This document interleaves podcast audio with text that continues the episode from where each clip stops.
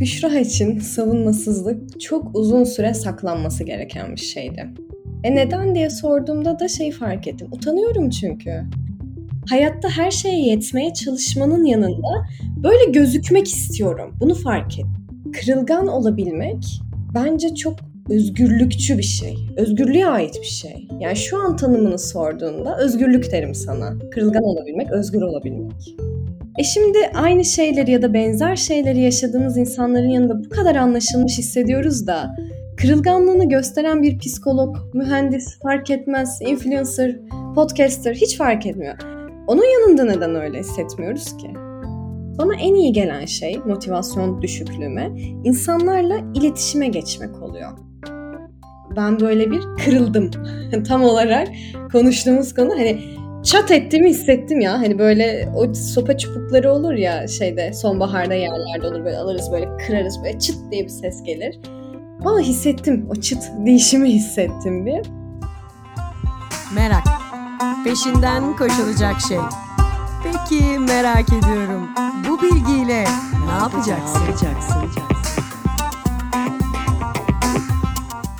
Herkese merhaba. Merak Listesi'ne hoş geldiniz. Ben Çağrı. Bugün Kırılganlıkların Gücü serisinde yeni bir konuğum var. Konuğu bence tanıyorsunuzdur. Özellikle Instagram'da eğer böyle işte psikolojik içeriklere bakıyorsanız ilgini odanızda ya ben aslında kendimle ilgili bir şeyler düşünsem, bunları düşünürken de aslında bana güzel yollar sunsa birisi ve bunlar da basit olsa diye baktığınız zaman birisi karşına çıkmıştır. Konuğum Basit Terapi Müşra Naz Kandemir. Kendisi psikolog, hatta kendisi tanımlarken kaşif ve seyyah demeyi de seviyor, tercih ediyor. Instagram'da basit terapinin ardından şimdi podcast'te de basit terapiyle başladı ve ilk bölümünü yayınladı. Hatta mottosu olarak da öğrendikçe büyüyor, basitçe anlatıyorum diye bir mottosu var. Ve podcastinde de şu cümleyi çok sevmiştim böyle öne çıkarmak istedim. Not olarak aldım böyle bölüm başlarken. Hayattaki her şeyi çözüp yoluna koyduktan sonra paşa paşa yaşayacağız sanıyordum. Anlatmak hem kolay hem zor diyor bölümünde de. Gerçekten hayat biraz böyle. Ama bugün böyle biraz kırıklıktan konuşalım deyip bakalım bu ne kadar basit anlatabileceğiz diye de merakla ve heyecanla bekliyorum. Büşra hoş geldin. Çok teşekkür ederim davetimi kabul ettiğin için. Merhabalar, hoş bulduk. Hem herkese merhabalar hem Çağrı sana da merhabalar. Ee, ben burada şu an biraz heyecanlıyım. Bunda ilk girişimizde bahsettim ve böyle Çağrı'nın anlattıkları, beni tanıtması e, çok hoşuma gitti. Çünkü yaptığım şeylerin geçtiğini hissettim. Yani duyulduğunu, görüldüğünü, bir şekilde anlaşıldığını ve insan amacına biraz olsun ulaşınca bence kendisini çok anlamlı hissediyor ve hayatta birazcık anlam arıyoruz. Anlamlı bulduğumuz anları toplamaya çalışıyoruz. E, en nihayetinde en temel gayemiz buysa buna da yaklaşabildiysem ne mutlu bana. Biraz zor bir konu, e, ince bir evet. konu, tetikleyici bir konu ama bence güzel olacak. Heyecanlıyım, bekliyorum. Harika. Ya çok sevindim. Ben de heyecanlıyım gerçekten hani konuşmak üzerine. Bir de görüldüm, duyuldum dedim. Belki ileride bunları da tekrardan açarız diye. Yani benim de bir süre zorlandığım, özellikle kırılganlığımı keşfetme sürecimde en çok fark etmeden kullandığım cümlelermiş. Yani görülmüyorum, duyulmuyorum. Belki onları da ileri doğru konuşuruz deyip burada bir şey açacağım. Konuya girmeden şöyle bir soruyla ben başlamak istiyorum. Konuklarıma sormayı seviyorum. Ya seni en yakın arkadaşına sorsak, Büşra'yı bize beş kelimeyle anlatsa bu kelimeler neler olurdu? Ben bu bunu bir düşünmüştüm bir ara ve gerçekten sormuştum bu arada. Hani neler düşünüyor insanlar benim hakkımda. ve hem içeriden bunu böyle hani kendinize de soruyorsanız eğer içeriden bir kendinize sorun bir de sonra arkadaşınıza sorun istiyorum. Çünkü bir değişiklik oluyor orada. Ben kendimi sanırım dışarıdan gösterdiğim ya da kendi içimde de yaşadığım böyle ortak kesişimi düşündüm ve biraz hayalperest ve çocuksu olduğum böyle ilk iki temel kelimem oldu. Ve diğerleri de biraz mantıkçı ve aceleci olduğum. İkisi yani böyle iki grup birbirine çok zıt olsa da hayalperest ve çocukçu yanımın yanında bir de mantıkçı ve aceleci bir yanım var. Ve ek olarak da biraz da tutkuyu etki, ekleyebiliriz buraya. Güzelmiş ama gerçekten tam sanatçılar hayalperest ve mantıklı. Hmm, ilginç bir şey var orada. Çünkü dün de hani biz kaydımız şu an cuma günü yapıyoruz. Dün de ben böyle hayal gücünü aslında kurma konusunda bir paylaşma yapmıştım. Hani Evrim Kur'an'ın araştırmasında. Hayal gücü konusunda çok çok gerideyiz ülke olarak. Bu da biraz zorlandığımız bir taraf diye düşünüyorum. Hayalperestlik o yüzden çok daha güzel ve öne çıkan e, becerilerden bir tanesi olarak geliyor bana. Şimdi asıl soruma da konuya da girelim diye şeyim var. İlk sorum tabii ki de yani kırılganlık konusu olunca bir senden şeyi merak ediyorum. Yani kırılganlığı tanımını zaten hani açıp bakınca var zaten vulnerability şudur diye. Ama ben senin tanımını merak ediyorum. Büşra için kırılganlık nedir? Savunmasızlık nedir? Sen nasıl tanımlıyorsun? Şöyle, Büşra için savunmasızlık çok uzun süre saklanması gereken bir şeydi. Yani benim böyle e, geçtiğim süreçlerde ilk fark ettiğim şey bu olmuştu. Ben kırılganlığımı saklıyorum. Bayağı bildiğin göstermiyorum. E neden diye sorduğumda da şey fark ettim. Utanıyorum çünkü. Yani kırıldığım için utanıyorum. Bir olay olduğunda ya da böyle e, daha zorlu bir yaşam deneyimi yaşayıp bunun üzerine e, darma duman olunca darma duman oluşumdan utanıyorum ve saklıyorum bunu. Ve bu çok böyle çok içgüdüsel belki çok çocuksu bir yerden geliyor. Fakat sonra şunu öğrendim. Kırılgan olabilmek bence çok özgürlükçü bir şey. Özgürlüğe ait bir şey. Yani şu an tanımını sorduğunda özgürlük derim sana. Kırılgan Hmm. olabilmek, özgür olabilmek. Neden buna dönüştü? Nasıl buna dönüştü hatta? Neden sorusu olmadı. Nasıl buna dönüştü? Nasıl buna dönüştü? Kırılganlık özgürlüğe dönüşürken e, çok yavaş bir süreçti. Hala da bence bu sürecin içindeyim. Yani tamamen dönüştü, paketi yaptık ve hazır halde değil bu. Fakat en önemli olan şey bir kendime zaman vermeyi öğrenmek oldu. E, bir şeyden iyileşmekten ya da bazı şeyleri e, taşıyabilmeyi öğrenmekten. Bunun en büyük etkisi açıkçası bir sosyal destek diyebiliriz. İlişkiler yani ilişkinin Hı hı. içerisinde iyileşmek dediğimiz kavram. Bir tabii ki de e, terapiyle ilgili bir sürü süreç yani eğitimler, terapiler, e, bu konuda farkındalık sağlayabilecek herhangi bir şey. Ama temel olarak e, yani birinden biri daha etkili diyemem. Böyle bir şey halinde, e, bir organizma halinde bir şeyler oturdu yerine ve bu konuda durmayı öğrendim diyebilirim. Biraz böyle dönüştü. Güzel ya ben şeyi merak ediyorum bu dönüşümün biraz böyle örneklerini de isteyeceğim senden sanırım. Çünkü merak da ettim gerçekten. ya şeyde bir zayıflık algısı var ya dedin ya utanç dedin aslında. Utanç çok ilginç geliyor bana çünkü ben şiddetsiz iletişimle böyle duygular tarafında daha fazla tanışmaya başladım ve tanıştıkça ya ben bu duyguyu hissetmiyormuşum ya da ben bu duyguyu böyle tanımlamıyormuşum dediğim çok olmuştu. Ve bir tane kitap var işte Liv Larson'ın işte Utanç, Suçluluk ve Kızgınlık adında bir kitabı var. Orada utancı okurken aslında dediğin gibi birçok şeyin ne kadar çok utanca bağlı olduğunu ve bu yüzden e, zihnimizde bizi bastıran seslerin daha çok yükseldiğini ve aslında bunu paylaşmaktan kaçtığımızı ve utançtan daha çok utançlayıp sonra suçluğa dönüştüğü ve büyük bir döngüyü fark ettim. Ve beni de o şekilde yakalıyormuş. Kırılgan olduğum noktaları mesela duygusallığı paylaşmak. Hatta şu an bile sosyal medyadan bir şey paylaşına çar çok duygusalsın deyip bir, ama bu duygusalsın böyle altında başka bir şey imayla gelen bir duygusallık olarak geliyor. Duyguyla ilgili bir şey paylaşınca. Bu çok zorluyor.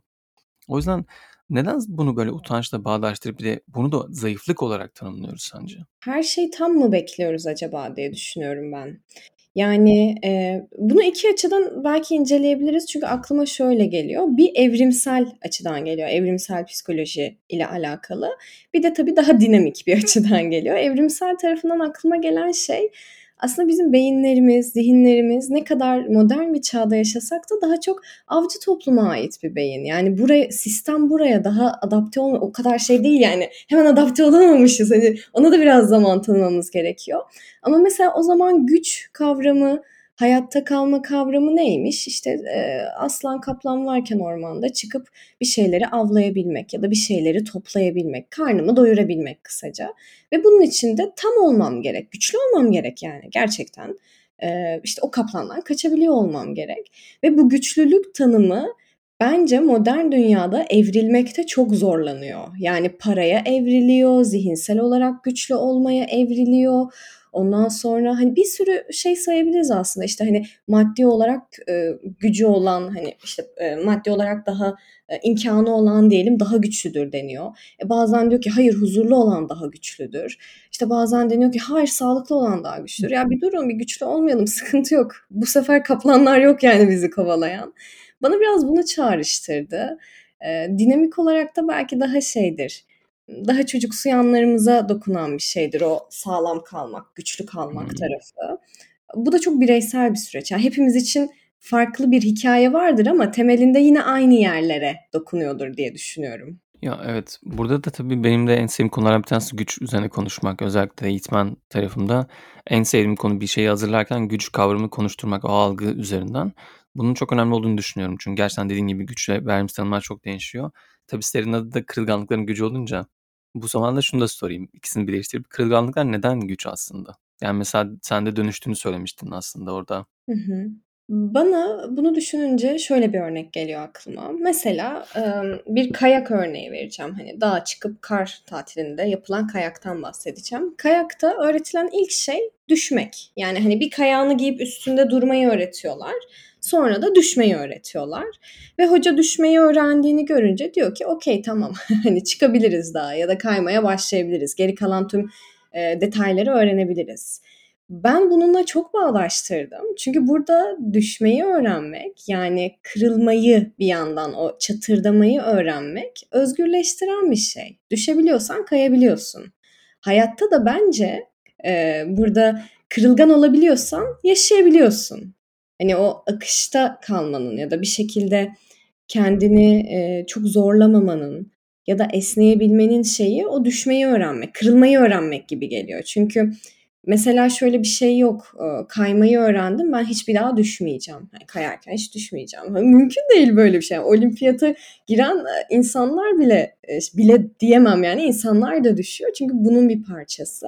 Kırılganlık da bu yüzden güçlü geliyor bana. Çünkü öğrenirsek eğer bu hiç düşmemek demek olmayacak. Bu düşersek de gayet hani devam edebiliyor olmak olacak. Bu yüzden çok güçlü geliyor. Hımm. Peki senin mesela son dönemde bu bizimle paylaşabileceğin bir kırılganlığın var mı? Bunun gücünü keşfettiğin ve Hı. belki yakın dönemde olur ya da daha önce de olabilir ama ya bu konuda daha önce geçmişimde bunun aslında belki de utançlı olabilir artık hani senin kendi tanımından şey yapacağım ya da zayıflık olarak gördüğün ama şu anda bunun bir güce dönüştüğünü gördüğün bir şey var mı bizimle paylaşabileceğin? Şöyle, bu benim için çok derin bir konu. Hatta üstüne, hani, başka zamanlarda da konuşmak isteyeceğim, belki tek başıma konuşabileceğim bir konu. Çok da, eee, medyada açmadığım bir konu açıkçası ama bana böyle çok kırılganlık, deyince sarsıcı bir zemin geliyor. Yetememek gibi geliyor. Hani, böyle hayatta bir şeylere yetememek, yapamamak gibi. Ve kırılganlığın güce dönüşen bir yönü dediğinde de aklıma gelen şey yalnızlıkla ilgili oldu. Yalnız, tek başına kalmakla ilgili. Uzun ya da kısa diyebileceğimiz birazcık tabii göreceli bir kavram bu zaman kavramı ama, eee, uzun ya da kısa bile kısa diyebileceğimiz bir dönem önce aslında, eee, gerçekten benim için çok zor olan bir yaz dönemi atlattım. Atlatmak kelimesini de çok sevmiyorum açıkçası ama en azından yaşadım diyebilirim.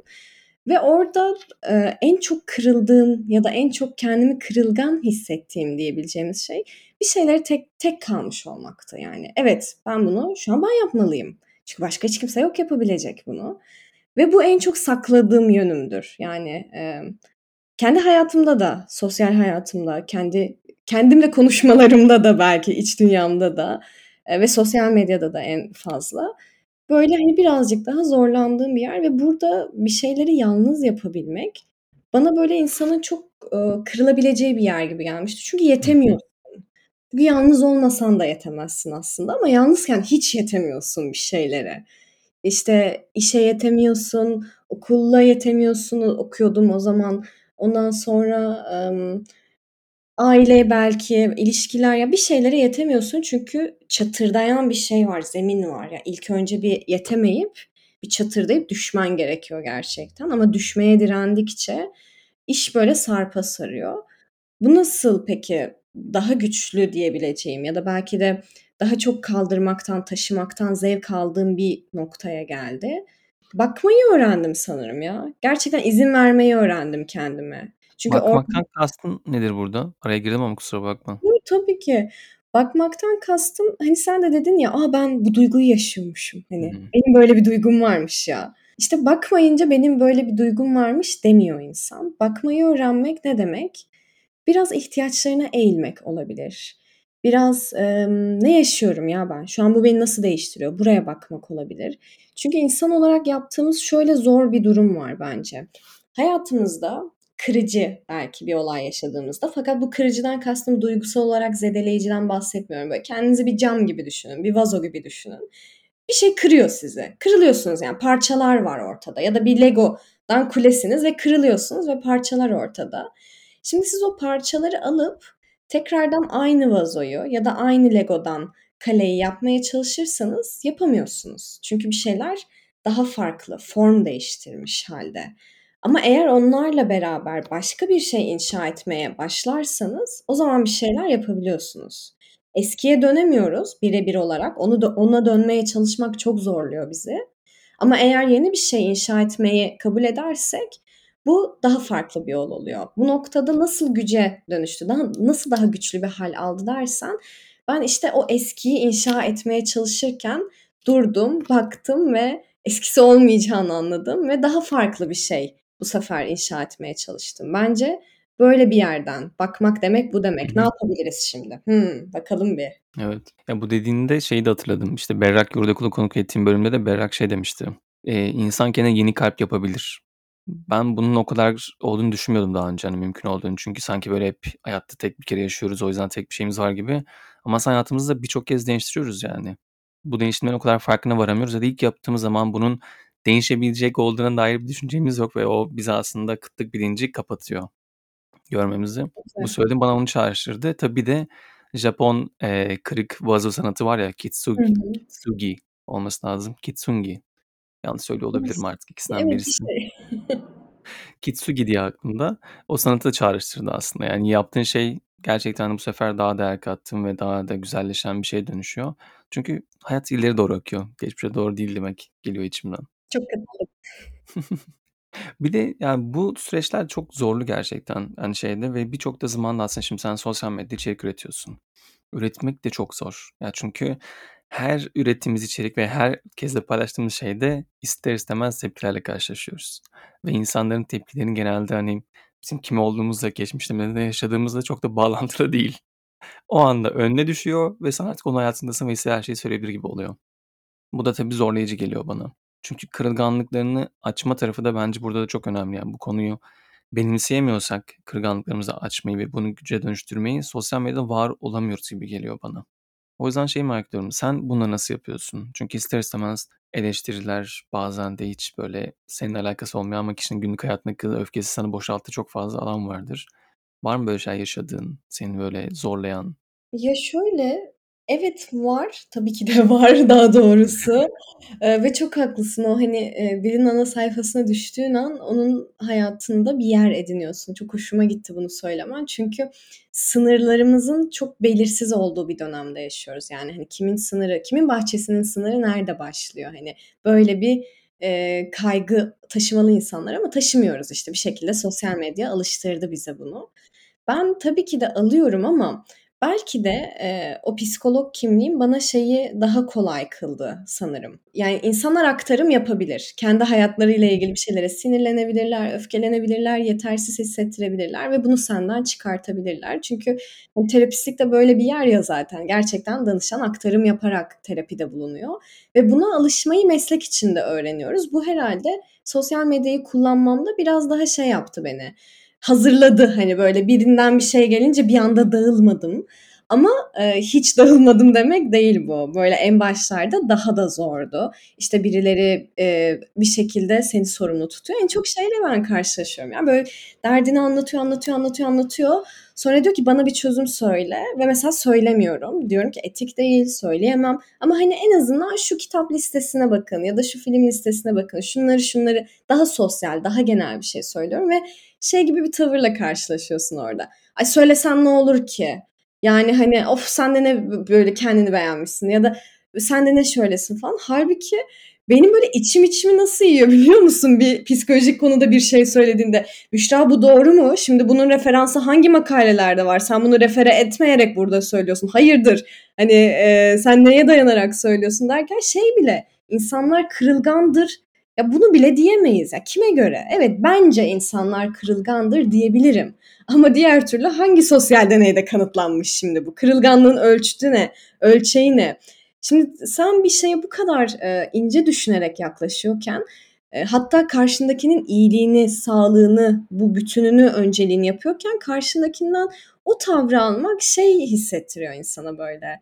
Ya, hani, anlamsız böyle, hani, ne yapıyoruz, ne yapıyorsun, hani, insanız burada gibi.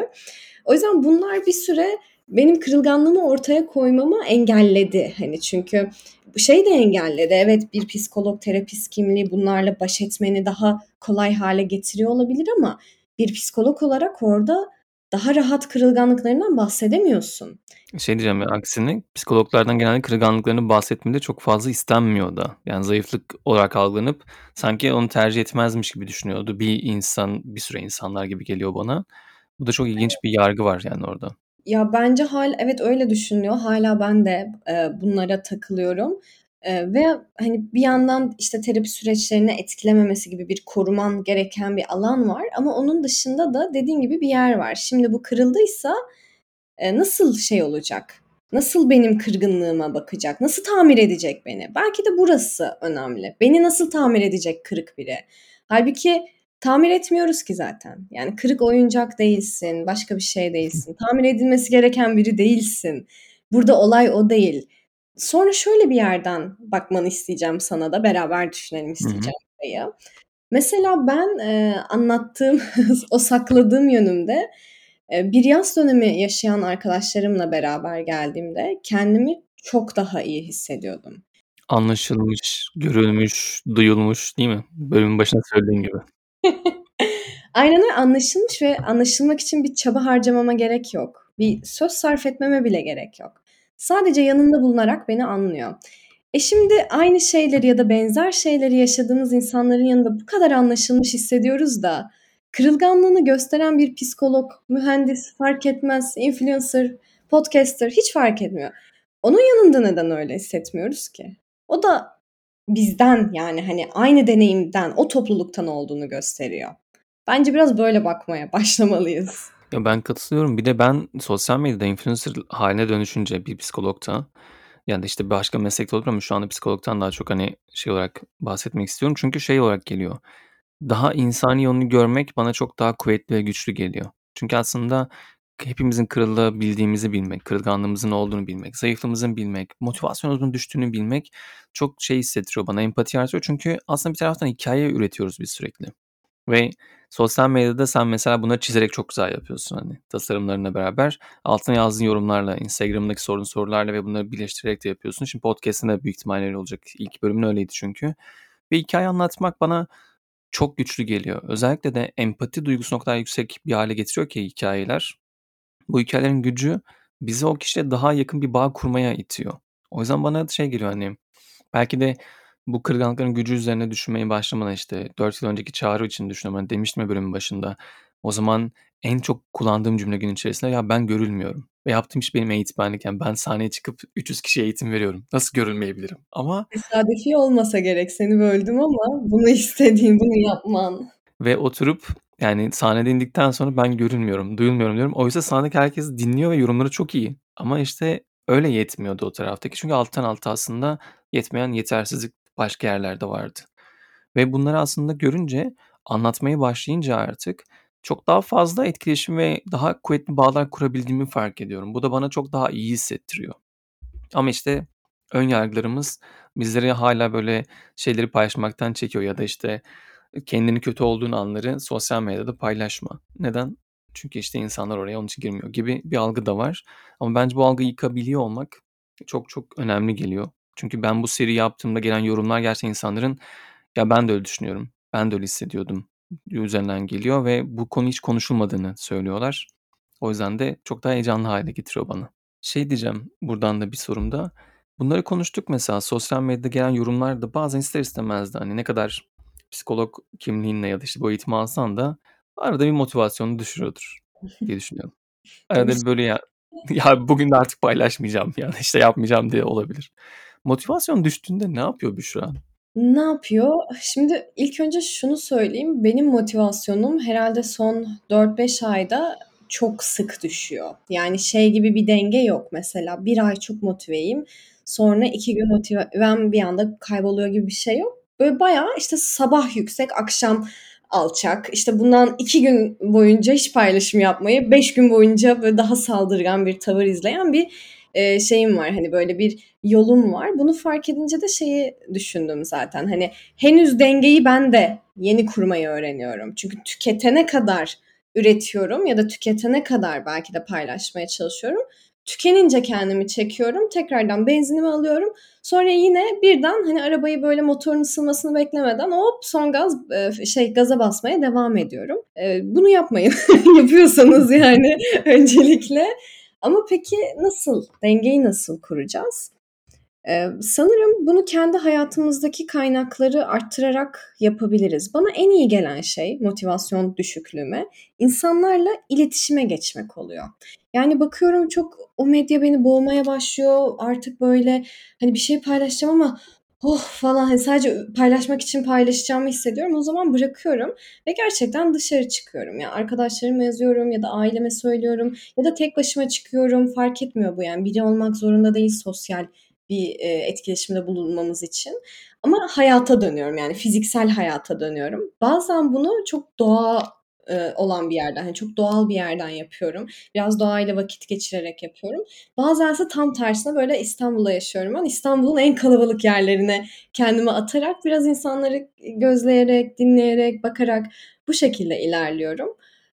Bu dönem yani bu sene içerisinde Nisan ayı olması gerekiyor. Ben böyle bir kırıldım.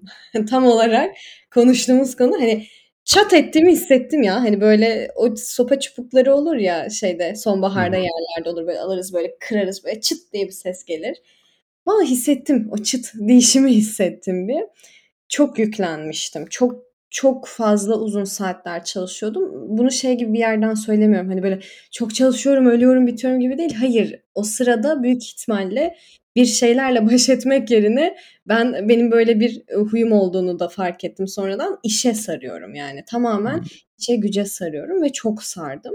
Ve sonra artık o dün şeyde gördüm, bir paylaşımda gördüm. Turkish Dictionary'de olması lazım. Yandım bittim hastalığı hmm. diye. Avrupa yakası Burhan altında hastalığına yakalandım sonra. Ya şey tükendim gerçekten. Tükenmişlik yaşadım. O zaman bana en iyi gelen şey iki gün, üç gün yeryüzünden silindim mi? Bayağı silindim. Hani her şeyi kapattım, kimseyle konuşmadım. Böyle depresif bir yerden de demiyorum buna. Daha çok o zaman e, böyle doğal bir yerde geçirmeyi tercih ettim bunu. Çok iyi geldi. Yani şöyle bir durmak diyebiliriz belki bana. Çok iyi geldi. O yüzden durun. Durabildiğimiz kadar duralım. Sorun yok durabiliriz. Bir şey kaçırmıyoruz. Hani e, dünya dönüyor evet ama durmaya da iznimiz var. Ben sık sık kendime bunu hatırlatıyorum motivasyonum düştüğünde. Durabilirim. Durmam demek, verimliliğimi azaltmak demek değil. Sıkıntı yok. Sakin olabilirim. Gerçekten öyle bu arada ya. Yavaşlamak genelde aslında fark etmiyoruz ama daha etkili bir şekilde işleri yapmamızı sağlayan şey yani. Çünkü önce maske kendi takmamız lazım. Genelde hep bunu unutuyoruz gibi geliyor bana. Ben de bunu çok sık yapıyorum. En azından burnout yaşadım ben tükenmiş işte. O görülme şeyinden sonrasında. Ondan sonra yaptığım şey gerçekten de kendime gün içerisinde hava alacak alanlar yaratmaya çalışmak. Bunu yapmadığım zaman bunu alıyorum. Yani kaçmak nasıl, istiyorum ben. Nasıl şey yaptın o alanları? Sen de bir hani İstanbul'da Hı-hı. yaşıyorsun. Burada nasıl açtın kendine? Çünkü kalabalık bir şehir. ben kalabalığı çok seviyorum yani insan gözlemlemeyi. Kalabalık içerisinde yalnız olmayı da sevenlerdenim. Yani şey yapabiliyorum. Ama en fazla yaptığım şey gerçekten pandeminin etkisiyle yürümeyi artırmak oldu. Yani yürümek bana çok çok iyi gelen bir şeye dönüştü. Yani özellikle de yapabildiğim mümkünatı varsa genelde işte haftada en az bir kere bir saate yakın telefondan ya da işte herhangi bir müzikten uzak sadece yürümek üzerine. Sahiller çok iyi geliyor. Yani bir ara hatta paylaşıyorum Instagram üzerinden de. Ya işte Beşiktaş'tan bebeğe yürümek ya da işte Kadıköy'den Suade'ye yürümek gibi şeyler çok çok iyi hissettiren şeyler geliyor. Ve bu yürüyüş hali düşüncelerle kalmak aslında kendi kendine kalma halini tetiklediği için de bu telefondan uzaklaşma bana çok iyi hissettiren şeye dönüştü. O yüzden en azından haftada bir iki kez bunu yapıyorum. Ve yani kimseyi de yanıma almıyorum. Yalnız yürüyeceğim yollar diyorum. Hani burası benlik. Kendime ay- ayırdığım zamanlarım var. Özel. Kimse karışmasın. Yani, kesinlikle. Zaten durmak yürümek gibi o zaman. kesinlikle. Ya bir de bölüm böyle yavaş yavaş bitiririz gibi ya. 30 dakika yaklaşıyoruz. Şöyle bir sorum var. Ya sence kırılganlıkların gücünü fark etmek isteyen ya da işte bu nasıl bir güce dönüşmesini isteyen birisi sence nasıl bir yöntem izlese bunu yapabilir? Kırılganlığıyla nasıl aslında barışıp bunu bir güce dönüştürür? Hı Var hı. mı böyle bir önerin? Şöyle, yani, şöyle bakabiliriz belki de. İlk önce bir şeyi fark edip o şeyi, bir güce ya da belki de kendimize artı katacak bir şeye dönüştürmemiz için onun ne olduğunu anlamamız gerekiyor. Ben nereden en çok çatır diyorum? Nereden en çok kırılıyorum? Ya da kimlerleyken, nerelerdeyken yaşıyorum bunu? Ya da hayatımda böyle böyle olaylar mı var? Benim kırılıyorum, e, kırılganlığımın olduğu yerler var diyebileceğim. Yoksa bu benim için daha çok böyle hayatın hep içinde olan, daha akışkan bir şey mi? Her günümde olan bir şey mi? Yani kırılganlık nasıl bir şey? Belki şöyle hayal edebiliriz biraz daha. Kırılganlık bir şekil olsa sizin için ne olurdu? Sonra bu şekilin boyutu ne olurdu? Bu diyelim ki e, mesela işte ne diyelim beyaz bir top olsun. Ortalama basket topu e, şeyinde e, büyüklüğünde olsun. Nasıl girerdi bu top hayatınıza? Hızlı mı? Yavaş mı? Nasıl beliriyor yani hayatınızda? Nasıl bir ilişkiniz var? Sonra biraz belki de bu top sana ne diyor? Ya da bu şekil sana ne diyor? Neler söylüyor? Neler duyuyorsun bundan? Eğer böyle çok keskin şeyler duyuyorsan belki de orada çatışman gereken bir kırılganlık var. Yenmen gereken, hani kavga etmen gereken olabilir. Tartışmak bence çok faydalı bir şeydir. Kendimizle de tartışalım. kendi hayatımızdaki insanlarla da tartışabiliriz. Ya da belki de böyle hani daha manipülatif bir şey varsa bu şeklin hayatında kırılganlığı sembolize eden böyle sinsi sinsi vardır ya arkadan gelip böyle şey diyen teyzeler. Hım sen de bunu mu yaptın falan hani daha e, alt metinde sana bir şeyler söylüyorsa o zaman bir bak bakalım sen ona ses çıkartıyor musun? Çıkartmıyor musun? Nasıl nasıl davranıyorsun ve ardından nasıl bir şekilde hayatında bulunduğunu gördükten sonra insan ve nasıl bir şekilde bulunmak istediğini de bakabilir. Yani şu an bu bu şekilde bulunuyor A şekliyle ben ama B şekliyle bulunmasını istiyorum. Peki istiyoruz ama ne yapabiliriz bunun için? İşte beni bu kadar zedelememesini, yırtmamasını, bana bu kadar ağır gelmemesini istiyorum belki de. O zaman taşım, taşımaktan vazgeçebileceğimiz, bırakabileceğimiz parçaları var mı bu kırılganlığın? Yani bir tohum gibi alıp cebimize koyabilir miyiz? Ya da biz onu belki de kocaman bir e, böyle araba boyutunda görüyoruz ama belki de onu ufak bir oyuncak araba haline de getirebiliriz. Yani yanımızda taşımanın yollarını bulmak olabilir. Bu taşıma yollarını daha somut hale getirecek olursak, şimdi hepimiz için kırılmak başka bir şey. Hepimizin aklına e, farklı bir şey geliyor. Ben yine şey diyeceğim burada. Yine sosyal çevre diyeceğim. Yani sosyal destek diyeceğim. Konuşmak yani yazmak olur, konuşmak olur, sormak olabilir ya. Mesela e, sen neye kırılıyorsun hayatta? Mesela sen bana bunu soruyorsun ve bence bu çok kıymetli bir şey. Çünkü benim kendime bakmamı sağlıyor. Ama bir yandan da eminim ki benim söylediğim şeyler sen, sana da bir şeyler çağrıştırıyor. Sana da düşündürtüyor. O yüzden belki kendi kırılganlığımıza bakmak için kendimize sorduğumuz kadar biraz da çevremize sorabiliriz. Ve böyle böyle o e, benzettiğimiz e, şekil neyse, rengi neyse onun, hayatımıza gelişi neyse, başkalarının hayatında nasıl olduğunu görüp, onların ona nasıl davrandığını görüp referans alabiliriz. Bana böyle bir yol geldi aklıma. Çok teşekkür ederim. Ya söylediklerin en son şeyi çağrıştırdı. Gizem Sürenkök'le yaptığımız bölümde işte canlı podcast'te de bunu tekrar etmişti. İlişkilerdeki aslında bağımızı en çok güçlendiren şey kır, kırılganlığını açabilmek. Karşıdaki insanın kırılganlığı bu. Sen istersen bundan zarar verebilirsin ama ben sana güveniyorum. Ve bu safa yapabildiğimizde o ilişkinin çok fazla evrim geçirdiğini ve güzelleştiğini, yani sağlıklı hale geldiğini söylüyordu. Gerçekten söylediğin şey de o aslında yani. Başkanı sorup kendi kırılganlığımızı da açabiliyor olmak, karşıda bunun üzerine konuşmak ve anladığım, yani duyduğum şeyden kalan yalnız değiliz ya. Yani biz genelde sen utanç diye bahsetmişsin ya başta.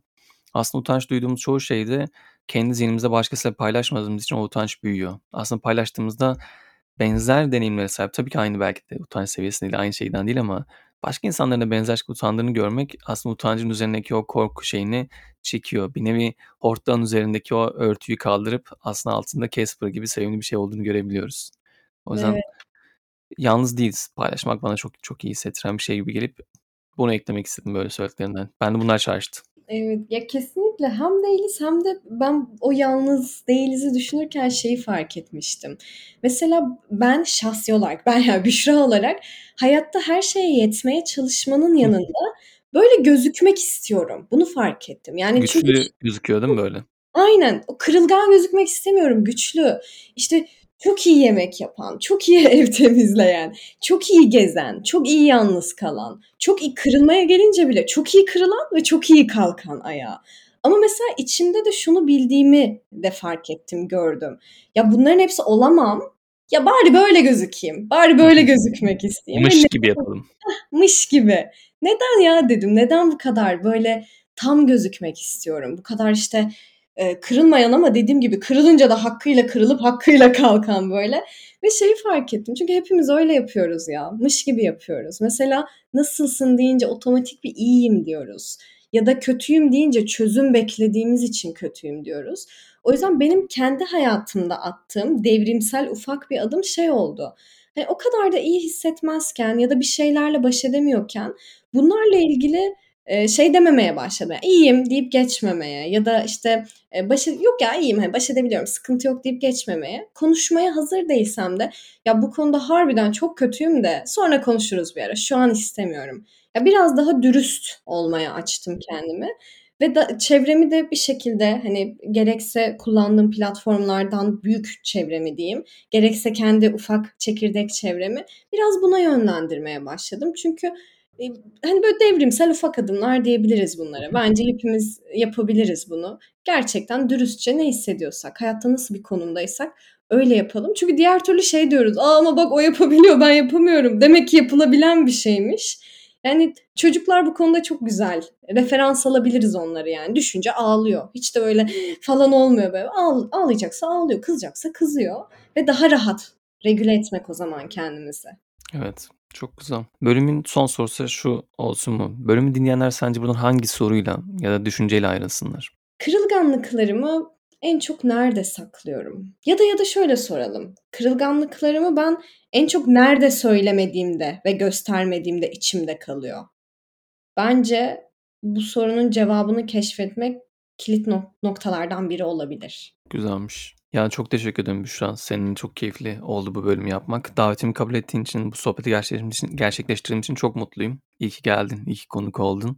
İyi ki Merak sitesinde senin bölümümüz var artık. Ben de çok mutluyum. Gerçekten e, dinleyen herkesin de burada bize eşlik etmesinden mutluyum. Seninle beraber konuşmuş olmaktan, bana merak ettirmiş olmandan, merak listesiyle beraber harika geldi ve bir yandan hani benim şeyimde sürecimde sadece burada konuk olmak değil ama senin podcastlerini dinlemek veya senin işlerine bir şekilde bakmak bana çok ilham oldu ve keşfetmiş olmak da çok iyi geldi. O yüzden ben çok teşekkür ediyorum beraber bu şekilde bir kesişim noktası oluşturduğun için. Ya çok teşekkür ederim. O zaman bölüm dinleyenlerin yorumlarını bekliyoruz. Seni ve beni etiketleyerek basit terapi ve küpeli çağrıyı etiketleyerek işte merak sitesini etiketleyerek paylaşırsanız çok mutlu oluruz. Bakalım bu bölüm size neler düşündürdü. Özellikle de en sonunda Büşra'nın sorduğu sorusunda nasıl bir şey bıraktı. Onu da merak ediyorum. Ama bölümden daha fazla şurada konuşacağınız dediğiniz noktalar varsa onları da paylaşırsanız belki ileride başka bir yerde başka bir şekilde bunu da yaparız. Çok teşekkürler meraklı insanlar. Bir başka bölümde görüşmek üzere. Hoşçakalın.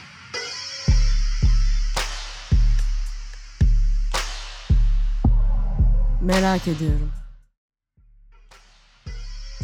Sen de merak ediyor musun? Neyi merak ediyorsun?